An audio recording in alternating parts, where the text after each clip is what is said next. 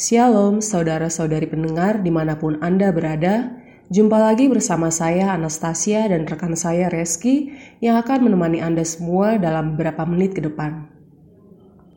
Dan pada kesempatan kali ini kita akan bersama-sama membahas tentang sebuah topik yang sangat menarik yaitu sinsir dalam pencegahan COVID di tempat kerja kita. Nah, untuk membahas tentang topik ini, sudah bersama saya Dr. Firdi Permana dari Internasional SOS. Namun sebelum kita masuk ke dalam pembahasan ini, mari kita dengarkan satu pujian berikut. Selamat mendengarkan. Tuhan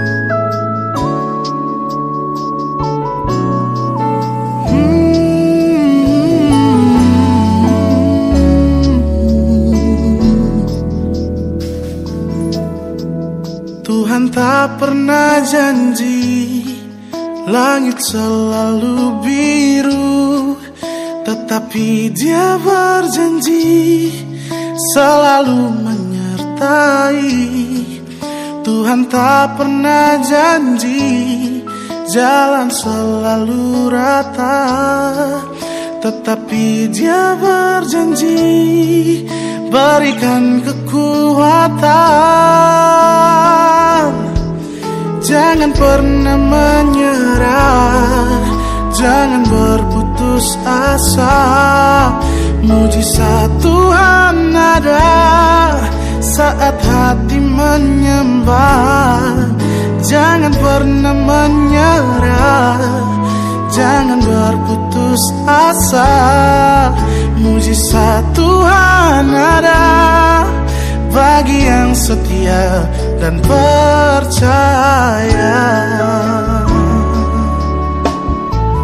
Hmm, Tuhan tak pernah janji Langit selalu biru Tetapi dia berjanji Selalu menyertai Tuhan tak pernah janji Jalan selalu rata. Tetapi dia berjanji Berikan kekuatan. Oh Jangan pernah menyerah Jangan berputus asa. Mujizat Tuhan ada Saat hati menyembah. Jangan pernah menyerah. Jangan berputus asa. Mujizat Tuhan ada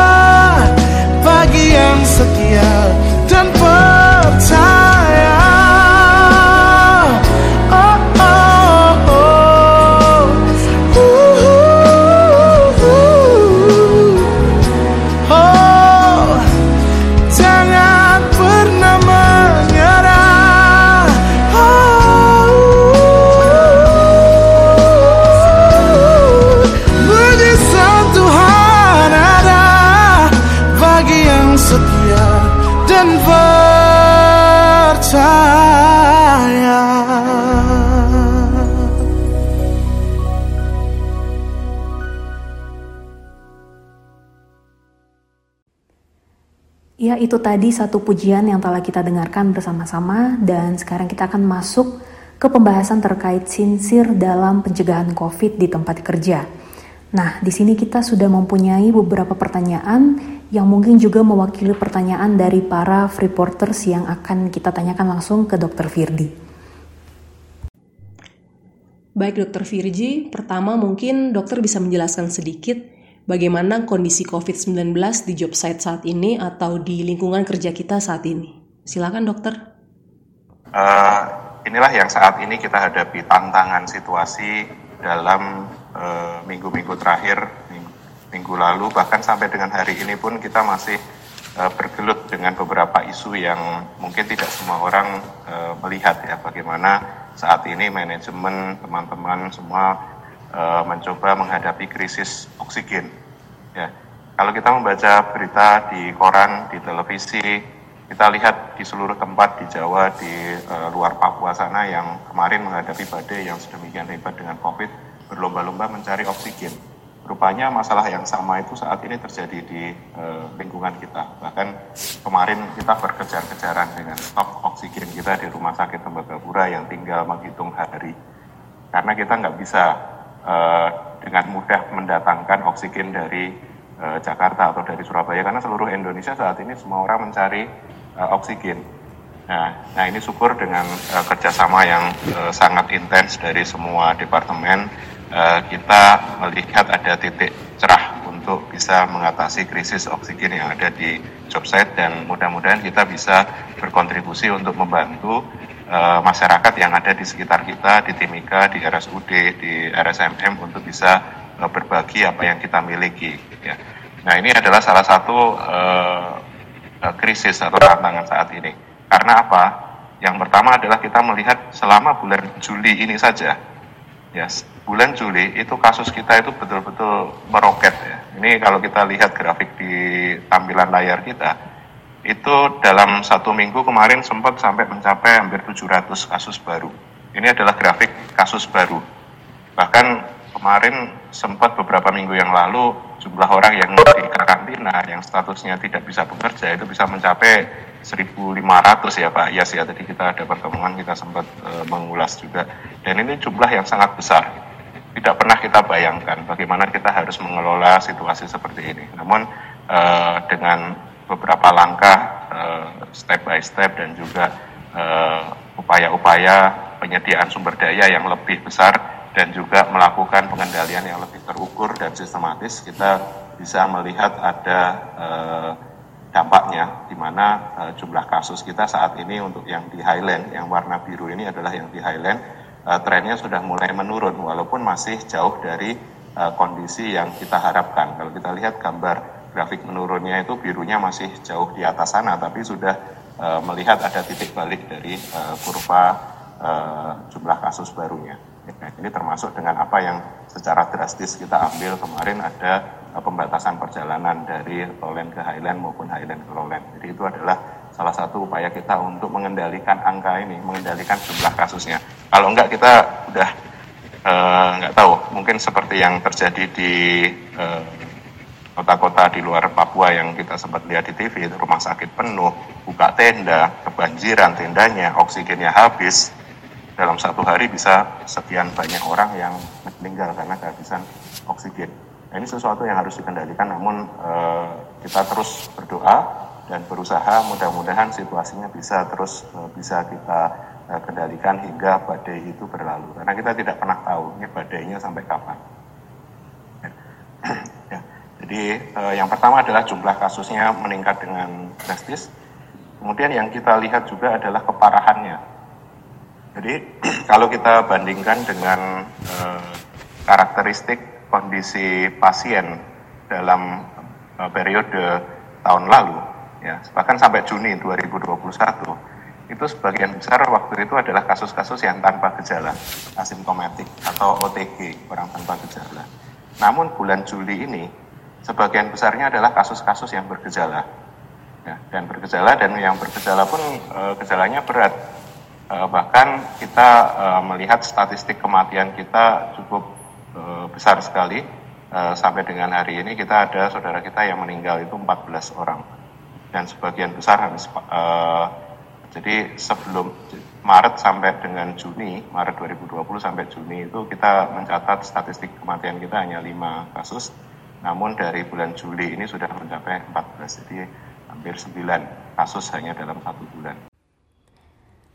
Baik, terima kasih dokter.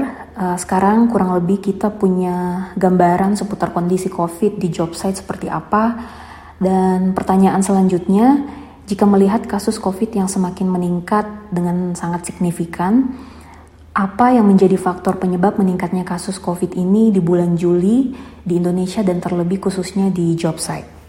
Dan ini uh, tentu disebabkan kemungkinan oleh uh, strain uh, varian uh, COVID yang baru meskipun kita tidak memiliki bukti evidence karena kita tidak melakukan pemeriksaan whole genome sequencing tapi kalau dari uh, sampel yang dikirim oleh pemerintah Provinsi Papua, uh, varian Delta itu ada di uh, Papua, ya.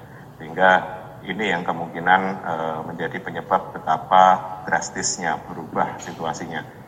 Sama seperti di Indonesia pada umumnya tiba-tiba meningkat dan uh, layanan kesehatan UGD penuh, uh, ICU penuh, oksigen habis, dan kita mencari obat-obatan juga setengah mati. Inilah yang yang mengakibatkan sekarang masalah sumber daya itu terbatas. Mungkin kita bisa menyediakan tempat tidur, tapi bagaimana mencari tenaga tambahan? Perawat juga eh, tenaga medis juga banyak yang eh, terkena dampaknya. Ya, dan ini eh, tidak bisa dipungkiri karena memang demikian hebatnya badai atau bah yang harus kita kelola. mencari tambahan tenaga juga tidak mudah saat ini kemudian obat-obatan antivirus, bahkan um, ada mencari paracetamol, mencari vitamin saja sempat uh, apa di pasaran pun jumlahnya uh, sangat terbatas, susah untuk kita dapatkan, termasuk juga oksigen. Oksigen yang biasa kita bawa dari Surabaya, dari Jakarta, uh, tiba-tiba kosong semua, tidak bisa. Kita punya seribu tabung oksigen, tapi untuk mengisinya malah mati. Ya, ya, ini dengan beberapa langkah termasuk bagaimana kita mengupayakan ada konversi uh, oksigen plant yang ada di LIP untuk bisa memenuhi uh, dijadikan medical grade oksigen itu sangat membantu sekali uh, untuk pemenuhan oksigen di job site ya. Nah, menurut dokter, kira-kira melihat kondisi kita saat ini, apakah kondisi ini bisa kembali membaik dalam waktu dekat atau kira-kira bagaimana dok menurut dokter? ini kita belum tahu apakah strainnya ini akan berhenti sehebat ini. Karena yang namanya virus COVID itu bisa jadi akan terus bermutasi. Bisa jadi akan ada varian-varian yang lain, varian e, sekarang Delta, nanti ada nama, namanya mungkin varian Lambda ya, yang e, kebetulan site kita di Peru, e, McMoran di sana juga menghadapi serangan yang kurang lebih sama dengan e, varian yang berbeda. Nah ini e, kita tidak tahu apakah kita akan Eh, berhasil melewati badai yang ini, kemudian nanti akan eh, muncul badai yang lain yang lebih hebat, kita tidak pernah tahu. Tapi eh, ketahuilah bahwa sumber daya kita akan selalu terbatas. Melihat kondisi yang ada, apa yang menjadi fokus atau tujuan utama dari tim medis saat ini? Nah, bagaimana kita mengatasi, menyeimbangkan antara uh, serangan dari virus uh, COVID ini dengan keterbatasan sumber daya kita, maka kita uh, lakukan beberapa uh, strategi. Nah, ini adalah objektif kita. Ibaratnya kita sekarang ini dalam situasi berperang, maka kita harus tahu apa misi kita, apa target kita. Target kita tentu adalah mempertahankan operasional dengan selamat. Ingat ini ada kata kuncinya adalah selamat, bukan hanya sekedar operasional, tapi e, karyawan kita e, sakit atau kelelahan atau merasa tidak enak badan sehingga malah menimbulkan resiko terhadap keselamatan kerja. Ini sesuatu yang tidak ingin uh, uh, terjadi ya, tidak, tidak kita harapkan. Jadi yang pertama adalah mempertahankan operasional. Yang kedua adalah mencegah jumlah karyawan yang tertular jangan uh, meledak. Karena begitu semua orang kena, kita nggak akan punya uh, kapasitas untuk merawatnya. Ya, jadi harus kita cegah, kita datarkan itu kurvanya, jangan sampai dia melonjak tinggi. Kemudian yang ketiga, kalaupun akhirnya kita sudah berusaha mencegah ada yang terinfeksi, maka kita harapkan yang terinfeksi itu kondisinya tidak e, menjadi parah. Ya, e, ringan saja lah, nanti e, 14 hari, 15 hari, kalau kondisinya e, stabil, kuat, virusnya akan e, kalah. Ya. Dan yang terakhir adalah tentu target kita adalah menurunkan tingkat kematian. Ya. Jadi yang penting adalah jalan operasional harus maju terus, ya tidak e, perlu terganggu, tapi harus selamat. Yang kedua adalah jangan sampai sakit semua. Yang ketiga, kalaupun sakit jangan sampai parah, dan kalaupun sakit e, jangan sampai meninggal. Itu adalah e, kaskade e, apa, objektif yang saya rasa perlu kita selaraskan semua. Baik dok, jadi kalau saya catat di sini, ternyata fokus dari tim medis saat ini ada empat poin besar. Nah, mungkin dokter bisa menjelaskan lebih dalam apa saja langkah-langkah yang bisa dilakukan oleh para tim medis dan juga kita sebagai para freeporter untuk mencapai tujuan kita tadi, dok. Mungkin bisa sedikit dijelaskan? Uh, objektif yang pertama adalah menjaga keselamatan operasional. Nah, inilah yang uh, sekarang uh, kita sinkronkan juga dengan uh, sincere dengan nilai-nilai kita karena uh, keselamatan adalah uh, dasar dari uh, operasional kita. Jadi kalau tidak selamat, operasional sebaiknya tidak uh, berjalan. Bukankah seperti itu yang kita harapkan ya? Nah, sehingga dari sini kita membutuhkan kerjasama dari uh, sincere koordinator maupun semua orang uh, yang menjadi pengawas, ya untuk memastikan karyawan selalu dalam kondisi yang sehat dan e, mampu bekerja dengan selamat. Itu kuncinya dulu. Karena sekarang kondisinya orang bisa macam-macam. Dengan e, COVID ini banyak orang yang sesak nafas, happy, hipoksia yang tidak disadari. Kadang kita menemukan beberapa pasien yang merasa e, bisa bekerja, tapi ketika sampai di rumah sakit ataupun di e, tempat kerja mengalami sesak nafas ya. Dan ketika di e, emergensi kita lihat saturasi oksigennya bisa-bisa sudah di bawah 80. Apalagi kalau ini e, bekerja di underground, bekerja di dataran tinggi, saturasi 80 itu tentu akan membahayakan operasional, membahayakan keselamatan kita. Jadi e, e, lebih sensitif terhadap tanda-tanda atau e, bahaya. Contoh adalah kita pernah menemukan orang yang ngantukan. Jadi pada saat diajak ngomong itu matanya kayak sayu-sayu gitu. Nah itu ternyata tanda-tanda saturasi yang menurun. Dia tidak merasa sesak nafas yang sampai orang kayak sesak nafas asma yang harus oh, ngos-ngosan gitu ya. Enggak, tapi dia ngantuk. Ya. Nah itu tanda-tanda nggak beres tuh.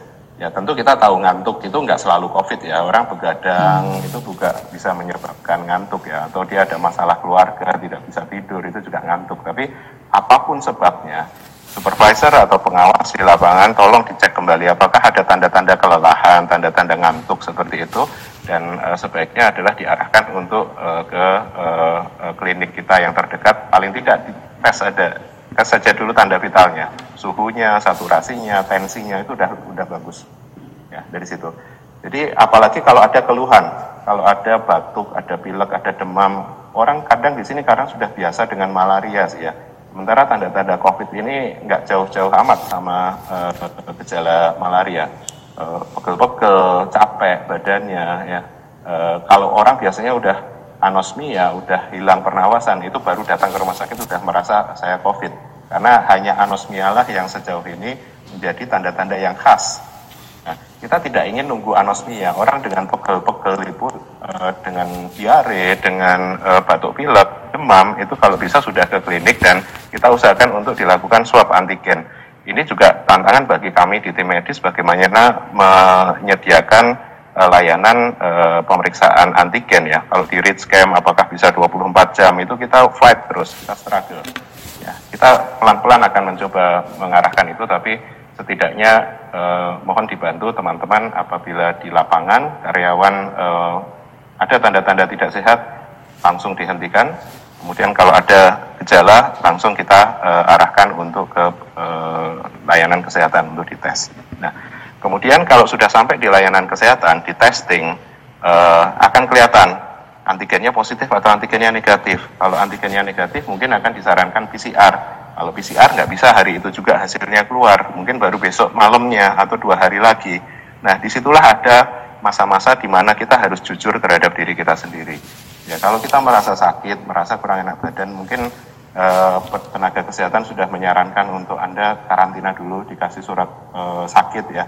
Ya, tinggallah di kamar dulu atau di di mana ya, memisahkan dari teman yang lain, jangan terus keluyuran, jangan terus nongkrong, ngobrol itu eh, ternyata eh, menimbulkan percepatan dari penularan. Jadi masalah integriti, masalah kejujuran terhadap diri sendiri, terhadap keluhan-keluhan yang disampaikan itu tolong disampaikan kepada petugas kesehatan. Ini banyak hal yang kadang kalau uh, tidak jujur juga itu malah membahayakan diri sendiri. Ya.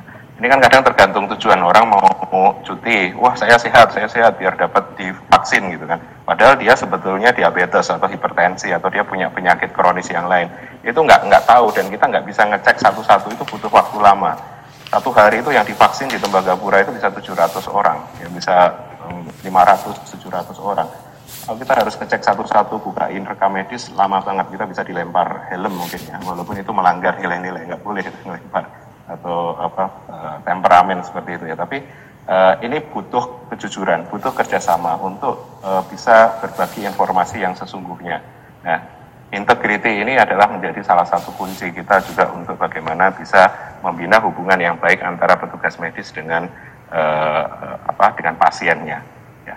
Kemudian uh, masalah komunikasi dengan supervisor ini juga uh, sebaiknya dijaga, dibina terus karena kalau uh, supervisor juga tidak mampu menjaga komunikasi dengan baik, bisa jadi eh, isu-isu COVID ini menjadi sesuatu yang sensitif atau bisa uh, menimbulkan hubungan yang tidak harmonis di tempat kerja yang pada akhirnya juga akan uh, kontraproduktif dengan operasional kita ya.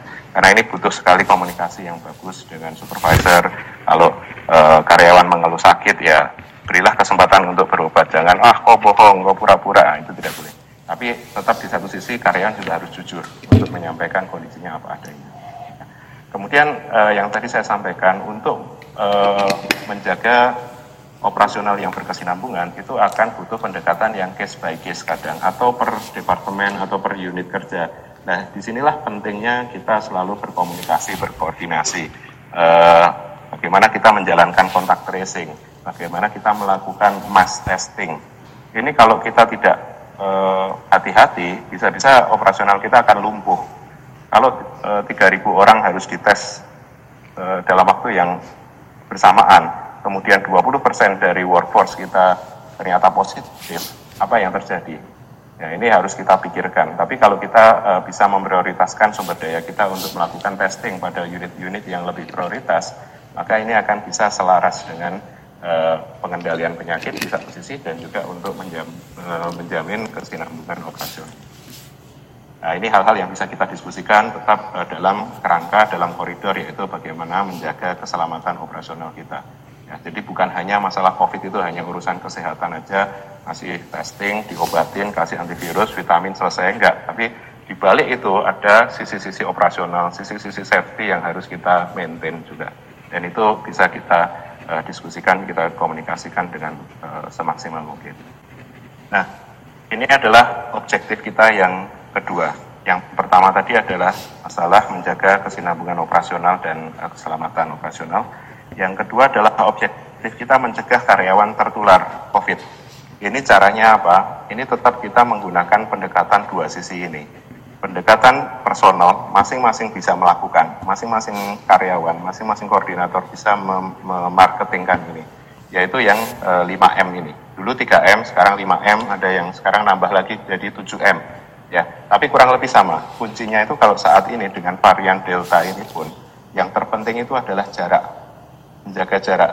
Yang kedua adalah mencuci tangan, memakai masker. Bahkan masker sekarang sudah berkembang ada yang namanya double mask yang di dalam adalah masker medical, uh, masker medis yang ada kawatnya di hidung, bisa ditekan, bisa dirapatkan sisi-sisinya. Kemudian ditambah lagi dengan uh, masker kain tiga lapis seperti yang uh, kita gunakan saat ini. Nah, itu akan meningkatkan efektivitas dari perlindungan. Nah, ini juga tentu situasinya case by case bagaimana dengan yang di underground menggunakan respirator. Nah, itu juga ada uh, sisi yang harus kita selaraskan, tidak saklek juga. Tapi ketahuilah konsep ataupun teorinya dulu. Bahwa kita intinya itu adalah uh, bagaimana menjaga supaya virus itu tidak uh, masuk secara langsung ke dalam tubuh kita ataupun kalaupun ada virus jumlahnya tidak banyak yang terjadi di teman-teman medis ya ini ini betul-betul sudah teruji protokol ini hand hygiene, mencuci tangan, menjaga jarak. Itu pun oleh perawat, oleh petugas PCR laboratorium kita, itu kuncinya di situ. Jadi bayangkan setiap hari tim uh, eh, PCR kami itu bisa pada saat kemarin uh, puncak-puncaknya itu satu hari ngerjain, ngerjain 500-600 sampel. Dan 20% atau 25 persennya itu adalah kemungkinan sampel yang positif. Dan kita tidak tahu sampel yang mana yang dibuka itu yang positif ya alhamdulillah dengan uh, izin Tuhan juga bahwa teman-teman kita masih diberi kesehatan. Tapi dengan apa? Dengan cara. Caranya ya ini, mencuci tangan, uh, memakai masker. Maskernya yang N95. Kalau udah pakai masker juga maskernya harus dipakai dengan benar. Yang mencuci tangan pun juga ada caranya, bukan cuma sekedar basah, kena sabun, selesai enggak. Itu ada protokolnya. Ketika melepas APD yang hazmat, yang baju astronot, ada protokolnya lagi. Jadi sebetulnya kita tahu teorinya, tinggal bagaimana kita e, melaksanakannya dan 5M ini adalah peranan dari masing-masing orang yang bisa dikerjakan. Ya. Jaga jarak, mengurangi mobilisasi, menghindari kerumunan, sekarang ditambah lagi meningkatkan ventilasi. Ya. Ternyata apa? Dengan kita memiliki ventilasi e, yang bagus, maka konsentrasi virus kalaupun ada di sekitar kita, konsentrasinya semakin rendah. Dan kalaupun masuk ke dalam tubuh kita, dia tidak menyebabkan efek klinis yang berat. Berbeda dengan kalau paparannya sedemikian banyak, ya, konsentrasi virusnya tinggi, maka dampaknya ke manusia juga tinggi sekali. Dan itu terjadi di petugas medis. Kenapa petugas medis banyak yang berguguran, banyak yang terkena dampak? Karena paparannya demikian hebat. Konsentrasi virusnya sedemikian besar di, di uh, tempat-tempat perawatan itu. Ya. Jadi ini kita tahu teorinya, tapi tinggal bagaimana kita uh, menerapkan semaksimal mungkin. Itu adalah peran 5M yang bisa dilakukan oleh masing-masing individu. Kemudian ada yang lain lagi adalah yang 3T ini, testing, tracing, treatment. Ya, testing artinya apa? Meningkatkan jumlah tes kita. Paling tidak dengan antigen tes itu sesuatu yang uh, sudah teruji sangat uh, apa efektif dan cepat untuk bisa diketahui hasilnya saat itu juga. Berbeda dengan PCR. PCR memang lebih hebat dari antigen tapi dia butuh waktu, tidak bisa instan. Saat itu 15 menit e, ditungguin hasilnya tahu positif atau negatif. Tapi kalau PCR ya lama ya, bisa 24 jam atau 48 jam kemudian. Nah, antigen itu menjadi salah satu senjata screening utama kita saat ini. Nah, kemudian dari kasus yang positif, maka kita akan lakukan e, tracing atau kontak tracing. Kita lihat lagi orang di sekitarnya. Itu pun kita lakukan secara sistematis lihat dulu resikonya. Kalau satu rumah, eh, suami istri, anaknya, atau teman satu kamarnya, dia tentu memiliki uh, kemungkinan tertular lebih besar dibanding uh, karyawan yang bekerja di tempat kerja yang sama. Makanya ada high risk, ada medium risk. Kenapa kita lakukan seperti itu? Sebetulnya target utamanya itu yang di high risk-nya dulu. Pemerintah pun mensyaratkan di karantina itu. Pokoknya kontak 15 menit, dalam jarak kurang dari 2 meter ya setiap hari karantina. Nah, kalau kita di karantina semua operasional juga terganggu. Nah, kita melakukan itu yang satu kamar di karantina, yang kerja satu ruangan di karantina, yang bepergian setiap hari turun naik dari Tembagapura ke underground naik mobil yang sama LV karantina juga itu namanya high risk dan kita taat sesuai dengan rekomendasi pemerintah. Namun kita melakukan lebih dari itu, yaitu apa? Melakukan screening, testing juga pada rekan kerjanya yang lain, yang mungkin hanya ketemu di safety meeting, mungkin hanya ketemu di uh, ya apa lewat lah papasan gitu, tidak apa-apa kita testing, itu medium risk ya. Kemudian yang sudah ketahuan e, positif tentu akan dilakukan treatment sesuai dengan kondisi medisnya masing-masing. Ada yang gejalanya tanpa gejala, ada yang ringan, ada yang sedang, ada yang berat. Yang sedang dan berat masuk rumah sakit itu dipantau, kasih oksigen, kasih antivirus, masukin semua, kita pantau ketat. Kemudian yang kondisinya ringan sedang, kita lakukan karantina terpusat di barak I, di barak E, di barak DD, di scam. Ya. Tujuannya apa? Supaya ini juga sudah terpisah dari karyawan yang sehat. Yang karyawan yang sehat melanjutkan perjuangannya untuk e, meneruskan operasional unitnya. Yang sakit istirahat dulu. Kita rawat dulu semaksimal mungkin makannya, obatnya, vitaminnya kita coba seoptimal mungkin walaupun kadang kondisinya tidak ideal. Ya, banyak yang memang masih kurang tapi itulah yang terbaik yang saat ini bisa kita lakukan. Jadi sekali lagi ini juga membutuhkan komitmen dan respect. Kontak tracing itu satu proses yang ternyata sangat kompleks dan juga membutuhkan uh, komunikasi dan saling menghormati ya. Kita tidak bisa tidak jangan sampai terbentuk stigma atau diskriminasi terhadap orang yang COVID.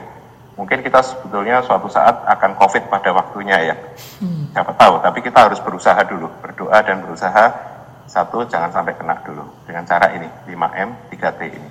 Jadi nggak usah takut kalau ada temennya yang positif, ayo kita testing. Dan kita bersyukur perusahaan menyediakan layanan testing yang demikian mudah, berkualitas kita bayangkan kalau di luar sana teman-teman kemarin yang cuti tertular positif mau balik ke sini susah itu bingung mau testingnya di mana saya dapat obat di mana itu susah ya tapi di sini eh, alhamdulillah eh, perusahaan menyediakan layanan yang sedemikian menurut saya luar biasa sekali untuk uh, karyawan yang berada di Jogja. Jadi kita sangat beruntung dan bersyukur sekali memiliki satu layanan sistem kesehatan yang sedemikian uh, apa ya menurut saya cukup efektif untuk mengatasi ini. Itulah salah satu bentuk komitmen dari perusahaan dan ini saya rasa harus kita teruskan dari uh, semua lini bahwa kita harus berkomitmen untuk menjalankan ini 5M sama 3T ini untuk memenangi uh, perang kita terhadap uh, COVID. Nah, ini adalah goal atau sasaran yang ketiga. Jadi yang pertama adalah menjaga kesinambungan operasional dengan selamat. Yang kedua adalah goal kita jangan sampai kena, jangan sampai tertular. Ya, ini berdoa dan berusaha. Tapi kalau sudah sampai tertular pun, ya sudah kita kita uh, terima ini. Ini sebagai satu takdir Tuhan juga dan teman-teman kita yang saat ini sakit harus kita support harus kita dukung dia. Jangan sampai dia malah menjadi stres, jangan sampai dia menjadi down, uh, yang pada akhirnya kalau tidak disupport justru akan menimbulkan kondisi keparahan yang lebih berat. Bahkan bisa mengakibatkan kematian karena apa? Dia merasa malu, dia merasa ragu-ragu untuk berobat, untuk mendapatkan testing, dan pada akhirnya dia baru datang setelah menyerah dengan kondisinya. Dengan sesak nafas, dia susah payah ke rumah sakit atau bahkan mungkin sudah tidak sempat lagi untuk menelpon 7-4 kali. Jadi jangan sampai itu terjadi. Jadi ini adalah salah satu uh, effort kita untuk mencegah jangan sampai uh, parah. Dengan cara apa? Yang pertama adalah sebetulnya uh, deteksi lebih awal dulu. Jadi uh, sejak awal kita sudah curiga ada gejala atau kita merasa terekspos ya teman kita atau saudara kita keluarga kita tahu oh itu teman sedang sakit sedang isolasi nggak apa-apa. Laporkan ke uh, atasan ataupun laporkan kepada tim kami untuk minta dilakukan testing. Karena lebih awal diketahui maka kita bisa melakukan monitoring yang lebih baik uh, mungkin membutuhkan antivirus bisa kita berikan lebih awal ya tapi ini sekali lagi case by case nggak bisa disamakan kenapa si A obatnya begini si B obatnya begini serahkan aja kepada dokter karena yang ditangani ini juga saat ini banyak sekali maka sekali lagi kita memprioritaskan resource kita kalau obat adanya 100, ya udah kita pakai 100 itu untuk siapa. Ini sama seperti ventilator. Di job site mungkin cuma ada 8. Mudah-mudahan nggak kepake, tapi ketika harus dipakai, maka kita harus memilih. Nggak bisa tiba-tiba besok pagi kita datangkan ventilator dari Jakarta. Belum tentu ada. Itu adalah sekali lagi memprioritaskan resource. Kemudian yang penting sekali adalah vaksinasi. Jadi vaksinasi ini walaupun dia dosis pertama, secara teori dia sudah bisa menstimulan munculnya antibodi. Dan e, secara teori dan saat ini yang saya perhatikan, kami perhatikan di kasus-kasus yang kita rawat, pada orang-orang yang sudah divaksin, maka dia gejalanya lebih ringan. Bahkan kalau kita di PCR bisa kita lihat city value-nya, city value-nya itu tidak tidak sampai e, rendah sekali. Ya. Nah ini case by case karena memang secara teori vaksin itu efektivitasnya adalah sekitar eh, uh, 70-an persen ya, 68, ada yang 78 persen. Artinya apa? Itu tidak 100 persen menjamin efektif. Ada beberapa orang yang tidak muncul antibodinya. Ya, sehingga apa? Vaksinasi itu tidak 100 persen melindungi kita dari uh, terkena uh, COVID dan juga belum tentu semuanya akan terlindungi. Tapi kita ambillah yang 69 yang 70 persen itu uh, dan kita lihat sangat bermanfaat sekali supaya dia tidak jatuh kepada kondisi yang berat. Ya. Jadi bagaimana mencegah keparahan penyakit dan kematian lakukan vaksinasi. Yang kedua adalah deteksi lebih awal dengan testing tadi. Dan yang ketiga ini yang kaitannya dengan medical high risk person yang ada di job site. Ya siapa itu? Kalau kita lihat tempat tidur yang digunakan di rumah sakit itu digunakan oleh orang-orang yang memiliki komorbid atau penyakit penyerta hipertensi, diabetes, dan obesitas. Ternyata ini obesitas itu hampir semuanya ada obesnya, obes. Obes, obes itu kegemukan ya. Kita lihat hitungannya pakai BMI, di mass index bisa dihitung sendiri masing-masing. Eh, berat badan dibagi tinggi badan kuadrat. Kalau di atas 30 itu obes. Nah, beberapa case kita yang berat bahkan yang mengakibatkan kematian itu ada tiga, tiga, tiga faktor ini, hipertensi, diabetes, dan obesitas. Ya, jadi bagaimana kalau kita terkena? Kalau bisa yang saat ini masih sehat, kalau dia tahu ada hipertensinya, minum obat sudah. Kalau dia tahu biasanya medical check up ada diabetes dan selama ini mau menggunakan uh, herbal, menggunakan apa diet dulu, tapi kalau kita sudah mencoba diet mati-matian, ternyata gula darahnya masih tinggi, sudahlah saat ini adalah saatnya kita mengkonsumsi obat dulu sambil terus meneruskan upaya-upaya yang non farmakologi, yang dietnya, olahraganya tetap harus dikerjakan, tapi obatnya tolong juga uh, kita uh, mainkan supaya apa? Kondisinya terkendali. Tidak apa-apa kita punya hipertensi, tidak apa-apa kita punya kondisi diabetes, tapi terkendali. Tidak apa-apa juga kita berat badannya saat ini masih e, berat ya, masih kelas berat ya, tapi e, coba kita upayakan untuk kita e, turunkan, kita kendalikan. Ya, masih ada waktu. Kemudian juga yang punya penyakit kronis ini adalah sasaran-sasaran kita untuk mendapatkan vaksinasi yang lebih awal jadi kalau bisa kita prioritaskan maka kelompok-kelompok yang medical high risk ini adalah harus mendapatkan vaksinasi yang uh, lebih awal, lebih dulu, fully vaccinated dulu. Dan kalau bisa bekerja di rumah, lebih baik bekerja dari rumah. Nah ini yang nanti akan tentu uh, dari HR ya kami sedang menggodok terus bagaimana sebaiknya kita memanage orang-orang yang saat ini berada di job site tapi dengan penyakit kronis seperti ini. Ya. Kemudian yang terakhir adalah menjaga kebugaran tubuh dengan hidup sehat. Ini bukan sekedar jargon, bukan sekedar tulisan yang eh, bagus untuk diketahui, tapi ini sebetulnya ternyata penting banget. Saya sendiri merasakan sendiri ya, ketika kemarin menghadapi jumlah kasus yang demikian besar, saya stresnya luar biasa. Ya, setiap malam itu terima laporan PCR, eh, saya hitung hari ini kasus baru berapa ya, 200, wah itu saya deg-degan ini mau ditaruh di mana ini? Ya, ya. Akhirnya saya nggak nggak merasa mau tidur juga nggak enak. Akhirnya badan rasanya capek banget. Ya, dan itu ternyata juga bisa mempengaruhi daya tahan tubuh kita dan itu berbahaya sekali untuk kalau ternyata kita terpapar dengan virus. Jadi saya berpesan ini untuk yang saat ini sehat, mari kita terus jaga kebugaran kita. Istirahat itu penting sekali, e, tidur yang cukup. Kemudian makan juga kita optimalkan ya yang sehat yang ada di mess hall pilih yang sehat. Bisa kok makan sehat dari makanan di mess hall itu bisa. Kemudian aktivitas fisik nah ini juga menantang nih. Gymnya ditutup tempat olahraga ditutup karena apa? Resikonya besar tapi kita tidak membatasi untuk olahraga di luar kita mau lari mau jalan mau hiking mau naik ke Hidden Valley silahkan, tapi dengan protokol. Protokolnya apa? Nggak harus pakai masker yang sampai ngap gitu, enggak. Tapi kalau bisa kita lakukan, ya kalau dengan suami atau istri ya, berpasangan aman. Atau kalau bisa kita tidak melakukan dengan berkelompok. Zaman sekarang mungkin yang di Lolen naik sepeda ya, eh, apa, sepedaan. Eh, yang penting sepedaannya harus aman lah. Jangan terus habis itu makan bakso bareng, makan soto bareng, buka masker, selesai niatnya mau olahraga jaga imunitas, tapi pada akhirnya kita terpapar dari hal-hal yang tidak perlu seperti itu. Jadi tetap jaga uh, olahraga lakukan, tapi lakukan dengan cara yang aman. Ya. Berhenti merokok ini juga uh, salah satu uh, pemicu dari hipertensi sebetulnya. Jadi kalau sekarang ada teman-teman yang masih merokok, saya sebetulnya sangat menyarankan untuk berhenti merokok. Gak ada untungnya merokok. Yang untung hanya yang jual rokok. Ya nggak ada. Itu mau dilihat dari sisi apa pun sebetulnya betul-betul e, manfaatnya tidak ada. Dan e, kalau memang sulit berhenti merokok upayakan untuk mengurangi dulu. Ya mengurangi untuk e, jumlah yang e, dihisap. Oke?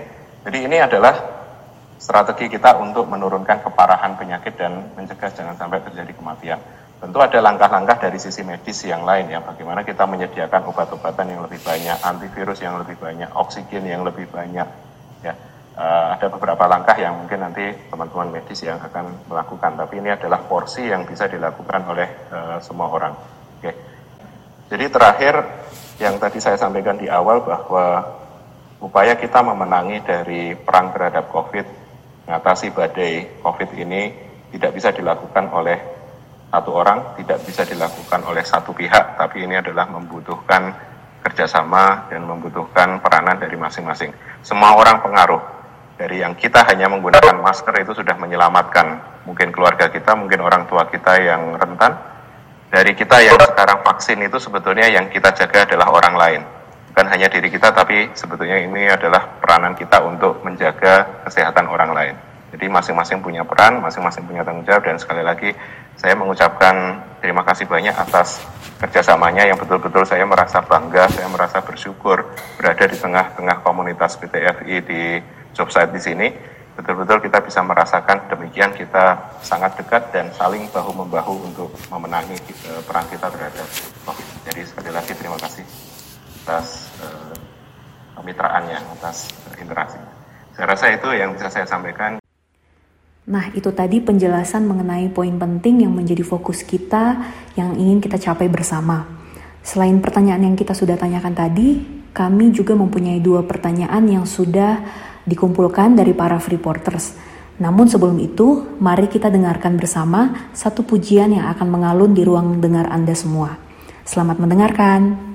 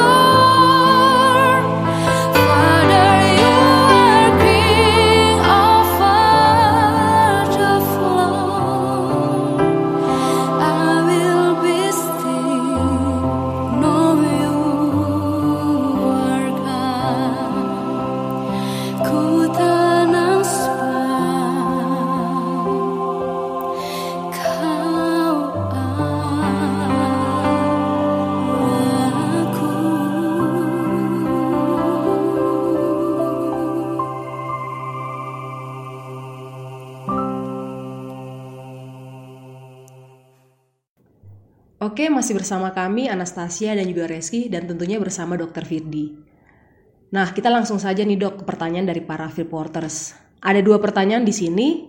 Pertanyaan pertama adalah, apakah memungkinkan PTFI membuat semacam fasilitas untuk mengecek saturasi oksigen, seperti halnya ada water station, sehingga untuk mengecek kadar oksigen kita tidak perlu lagi ke rumah sakit, karena kebanyakan karyawan tidak mempunyai alat ukur tersebut. Nah, itu yang pertama. Kemudian yang kedua adalah apakah ada sumber yang dapat diakses oleh karyawan untuk mengetahui jumlah kasus aktif atau penambahan kasus COVID-19 di job site ini? Nah, itu adalah dua pertanyaannya. Mungkin bisa langsung dijawab oleh dokter. Silakan dokter Firdi. Sebetulnya dari awal kita mencoba untuk selalu uh, terbuka ya untuk uh, jumlah. Uh, yang pertama adalah jumlah kasus kita setiap hari kita laporkan kepada pemerintah daerah, kepada Kementerian BSDM eh, dan angka yang ditampilkan di dalam statistik Kabupaten Mimika itu adalah angka eh, yang sudah eh, tercakup dari Jogja. Karena kita juga harus sinkron ya datanya dengan kabupaten jangan sampai kita melaporkan berbeda apa yang dilaporkan apakah PCR positif atau antigen positif itu sebetulnya adalah terserah dari dinas kesehatan dari pemerintah.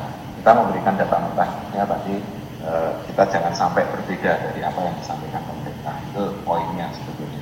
Sehingga kita tidak uh, membuka setiap hari jumlahnya berapa karena orang bisa jadi itu antigennya berapa PCR-nya berapa terus yang dipakai yang mana. Nah itu nanti bingung lagi ya. Jadi timbul polemik baru. Jadi sudah kita sharingkan ke pemerintah dan pemerintah melaporkan kepada publik. Yang kedua adalah pada saat kondisi-kondisi yang tertentu seperti kemarin ada interoffice memo juga yang disampaikan itu ada update juga bagi case Jadi uh, memang tidak real time uh, uh, uh, publish itu juga arah dari manajemen untuk uh, kita seberapa intens informasi juga yang kita lakukan. Tapi uh, kita mencoba se semaksimal mungkin. Baik, itu dia bincang-bincang kita bersama Dr. Firdi terkait sinsir dalam pencegahan COVID di tempat kerja. Terima kasih kepada Dr. Firdi atas penjelasannya yang sangat detail dan cukup jelas sehingga kita semua bisa mengetahui kondisi saat ini dan bagaimana kita sebagai karyawan harus berperilaku dalam menghadapi pandemi ini. Terima kasih juga kepada para pendengar sekalian yang sudah setia bersama kami.